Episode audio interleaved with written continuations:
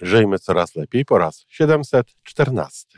W tej chwili bardzo często słyszę i rodzice naprawdę często to mówią, że moje dziecko jest w wieku, w którym, że jest w wieku, w którym pyta, że jest w wieku, w którym jest przekorne, że jest w wieku trudnym, że zbliża się trudny okres.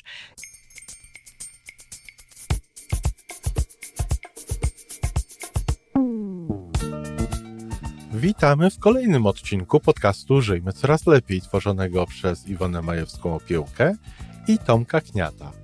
Podcastu z dobrymi intencjami i pozytywną energią, ale także z rzetelną wiedzą i olbrzymim doświadczeniem we wspieraniu rozwoju osobistego.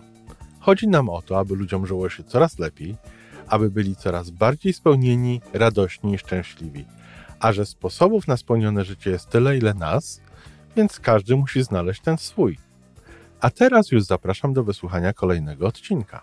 Dzień dobry, kochani rodzice, z tej strony Iwana Majewska-Opiełka, audycja sobotnia, czyli takie moje przesłanie dla rodziców, podpowiedź, co robić, żeby dzieci były szczęśliwsze i żebyśmy my byli oczywiście również szczęśliwsi. Dzisiaj o takich przepowiedniach, o takich oczekiwaniach, które głośno przy okazji jeszcze mm, werbalizujemy, mówimy o tym i oczywiście potem tak mamy. Kochani, kiedyś, kiedy moi rodzice mnie wychowywali, powiem więcej, kiedy ja wychowywałam swoje dziecko, mimo że byłam już na pierwszym roku psychologii, to nie, kiedy, znaczy, kiedy ona się urodziła, byłam na pierwszym roku psychologii, kiedy kończyłam psychologię, Magda miała prawie 5 lat. Ale myśmy nie ulegali wtedy różnego rodzaju e, regułom, e, takim podpowiedziom, e, temu, co w tym wieku powinno już być, jaki to się zbliża wiek i tak dalej. W tej chwili bardzo często słyszę i rodzice naprawdę często to mówią, że moje dziecko jest w wieku, w którym, że jest w wieku, w którym pyta, że jest w wieku, w którym jest przekorne, że jest w wieku trudnym, że zbliża się trudny okres. Jak często słyszę od rodziców, że z, zbliża się trudny okres. Wie pani, ona jest teraz w trudnym okresie, no zbliża się ten e, trudny okres nastoletni i tak dalej.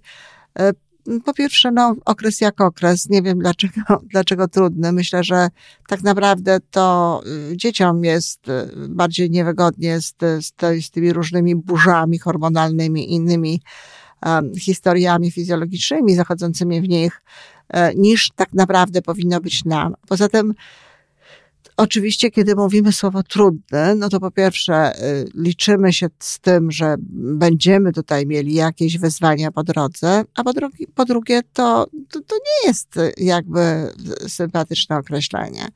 I mówienie o tym, mówienie o tym głośno i tak dalej, jak gdyby programuje i dzieci, i świat, i młodzież. To jest, to jest tak jak z wieloma innymi rzeczami, tak jak zaprogramowaniem kiedyś w wieku, wiek, w którym było się, no na przykład mając tyle lat, co ja w tej chwili, to był wiek zaawansowanej starości i w związku z tym oczekiwano różnego rodzaju y, zachowań, różnego rodzaju stanów. I oczekiwając y, tego rodzaju, oczekując tego rodzaju rzeczy, y, oczywiście je dostawa, dostawano, tak? Natomiast w tej chwili nikt nie uważa, że kobieta w moim wieku to jest kobieta stara, kobieta u schyłku życia, i w związku z tym nie ma pewnych rzeczy, nie dzieją się, nie ma, nie ma e, różnego rodzaju zjawisk. I wcale nie inaczej mm, jest, czy mogłoby być z młodzieżą. Ja się nie spodziewałam jakiegoś trudnego wieku u swoich dzieci. Nie byłam zainteresowana wtedy y, czytaniem psychologii rozwojowej, nie byłam zainteresowana w ogóle y, czytaniem książek pisanych przez psychologów nastawionych na, na psychoterapię, na szukanie wyzwań, na szukanie y, jakiegoś no, takiego chaosu. Natomiast czytałam już wtedy, bo zaczęłam się tym interesować, kiedy moja Magda miała no, 11-12 lat. Więc ja zaczęłam czytać wtedy książki wspierające rozwój osobisty, ale książki z gatunku takich duchowych, książki z gatunku możesz wszystko, książki z gatunku to wszystko zależy od tego, e, jak się postępuje z dzieckiem, co dziecko ma, jaka jest sytuacja i od wielu jeszcze różnych innych czynników. Możesz wpływać na swoje dziecko poprzez odpowiednie słowa, poprzez miłość.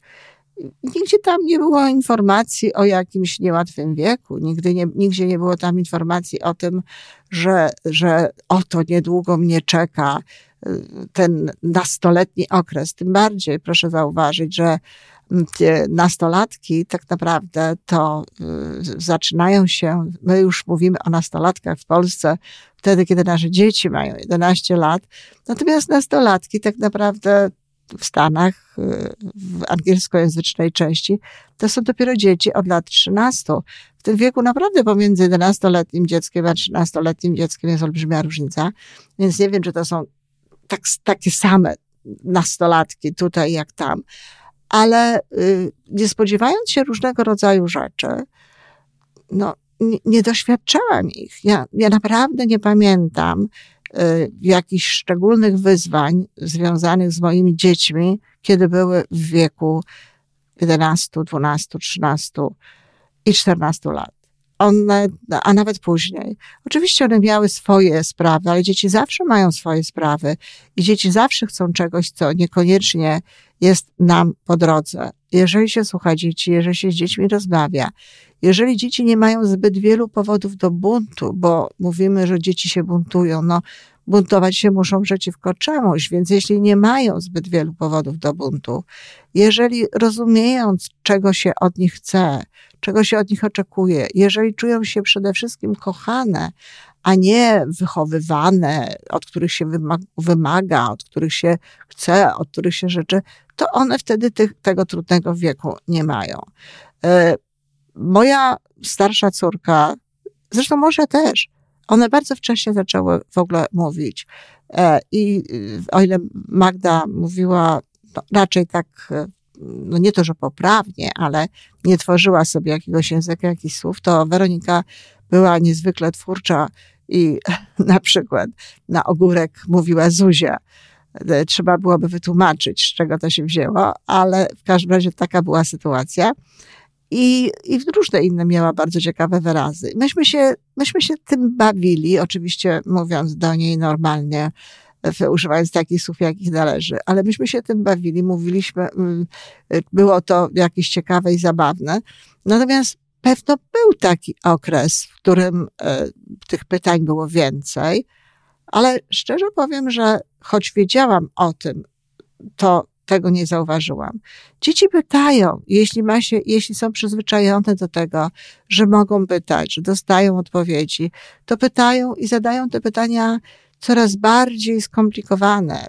I jeśli człowiek odpowiada im cały czas na te pytania, to wtedy one po prostu pra prawdziwie, szczerze, z serca to one się rozwijają i po, na, w odpowiednim poziomie, na odpowiednim poziomie przyjmują różnego rodzaju wiadomości. W taki sposób dzieci mają prawo dowiedzieć się o prawdy o seksie, mają prawo dowiedzieć się prawdy o różnych innych rzeczach, bo po prostu przychodzi taki moment, w którym one zadają jakieś pytanie. I to pytanie prowadzi do konkretnej odpowiedzi a czasem, żeby ta odpowiedź była zrozumiała, trzeba coś wyjaśnić. Zatem nie wiem, czy jest jakiś trudny wiek e, przekory, czy trudny wiek zadawania pytań, czy jak już wspominałam wcześniej, trudny wiek związany z dorastaniem, z buntem i tak dalej. E, nie przypisywałabym żadnych tego rodzaju e, z takich oczekiwań, takich stanów, takich no, nie robiłabym naklejek, nie nazywałabym tych okresów, dlatego że potem sami szukamy pewnych rzeczy i w związku z tym zachowujemy się w określony sposób, mówimy różnego rodzaju rzeczy i otrzymujemy potem faktycznie pewnego rodzaju zachowania. Dzieci rozwijają się poza wszystkim różnie, indywidualnie, każdy inaczej i końcu doprowadzić można do tego, że matka będzie się doszukiwać gdzieś właśnie u swoich dzieci do zachowań, które świadczyłyby o tym, że te dzieci się buntują, podczas kiedy one być może w ogóle się nie buntują. Bunt i jeszcze inne tego typu rzeczy, tak jak mówiłam, zależą od tego, od sytuacji, przeciwko czemu można się ewentualnie buntować, ale też od jakichś takich cech osobowościowych, od tego, jakim ktoś jest człowiekiem. Jeśli na przykład ma się całe życie takie też, że no, łatwo nie jest, to naprawdę okres e, dojrzewania, okres e, nastolatka no, nie, nie wyzwala jakiegoś specjalnego rodzaju buntu, bo po prostu w ogóle jakiemuś tam dziecku w życiu nie było łatwo i cały czas miał gdzieś pod górkę i cały czas gdzieś zachowywał się tak, że niektóre dzieci być może nawet nie zachowują się w okresie buntu. Życie jest naprawdę bardzo zróżnicowane. Jeśli chcemy, aby nasze dzieci były faktycznie indywidualnościami, żeby były faktycznie jedyne w, swoje, w swoim rodzaju, to, to traktujmy je tak. Nie, nie wkładajmy ich w żadne schematy, nie wkładajmy ich w żadne tabelki, nie oczekujmy jakichś zjawisk z powodu wkraczania w określony wiek.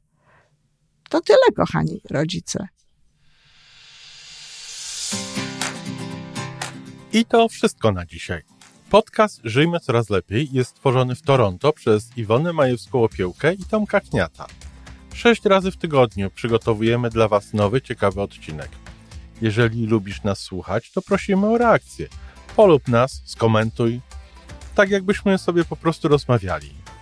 Zapraszamy do darmowej subskrypcji. Jesteśmy dostępni na każdej platformie, gdzie można słuchać podcastów. Wystarczy nas tam poszukać. A po więcej informacji zapraszamy na stronę www.majewska-opiełka przez l.pl.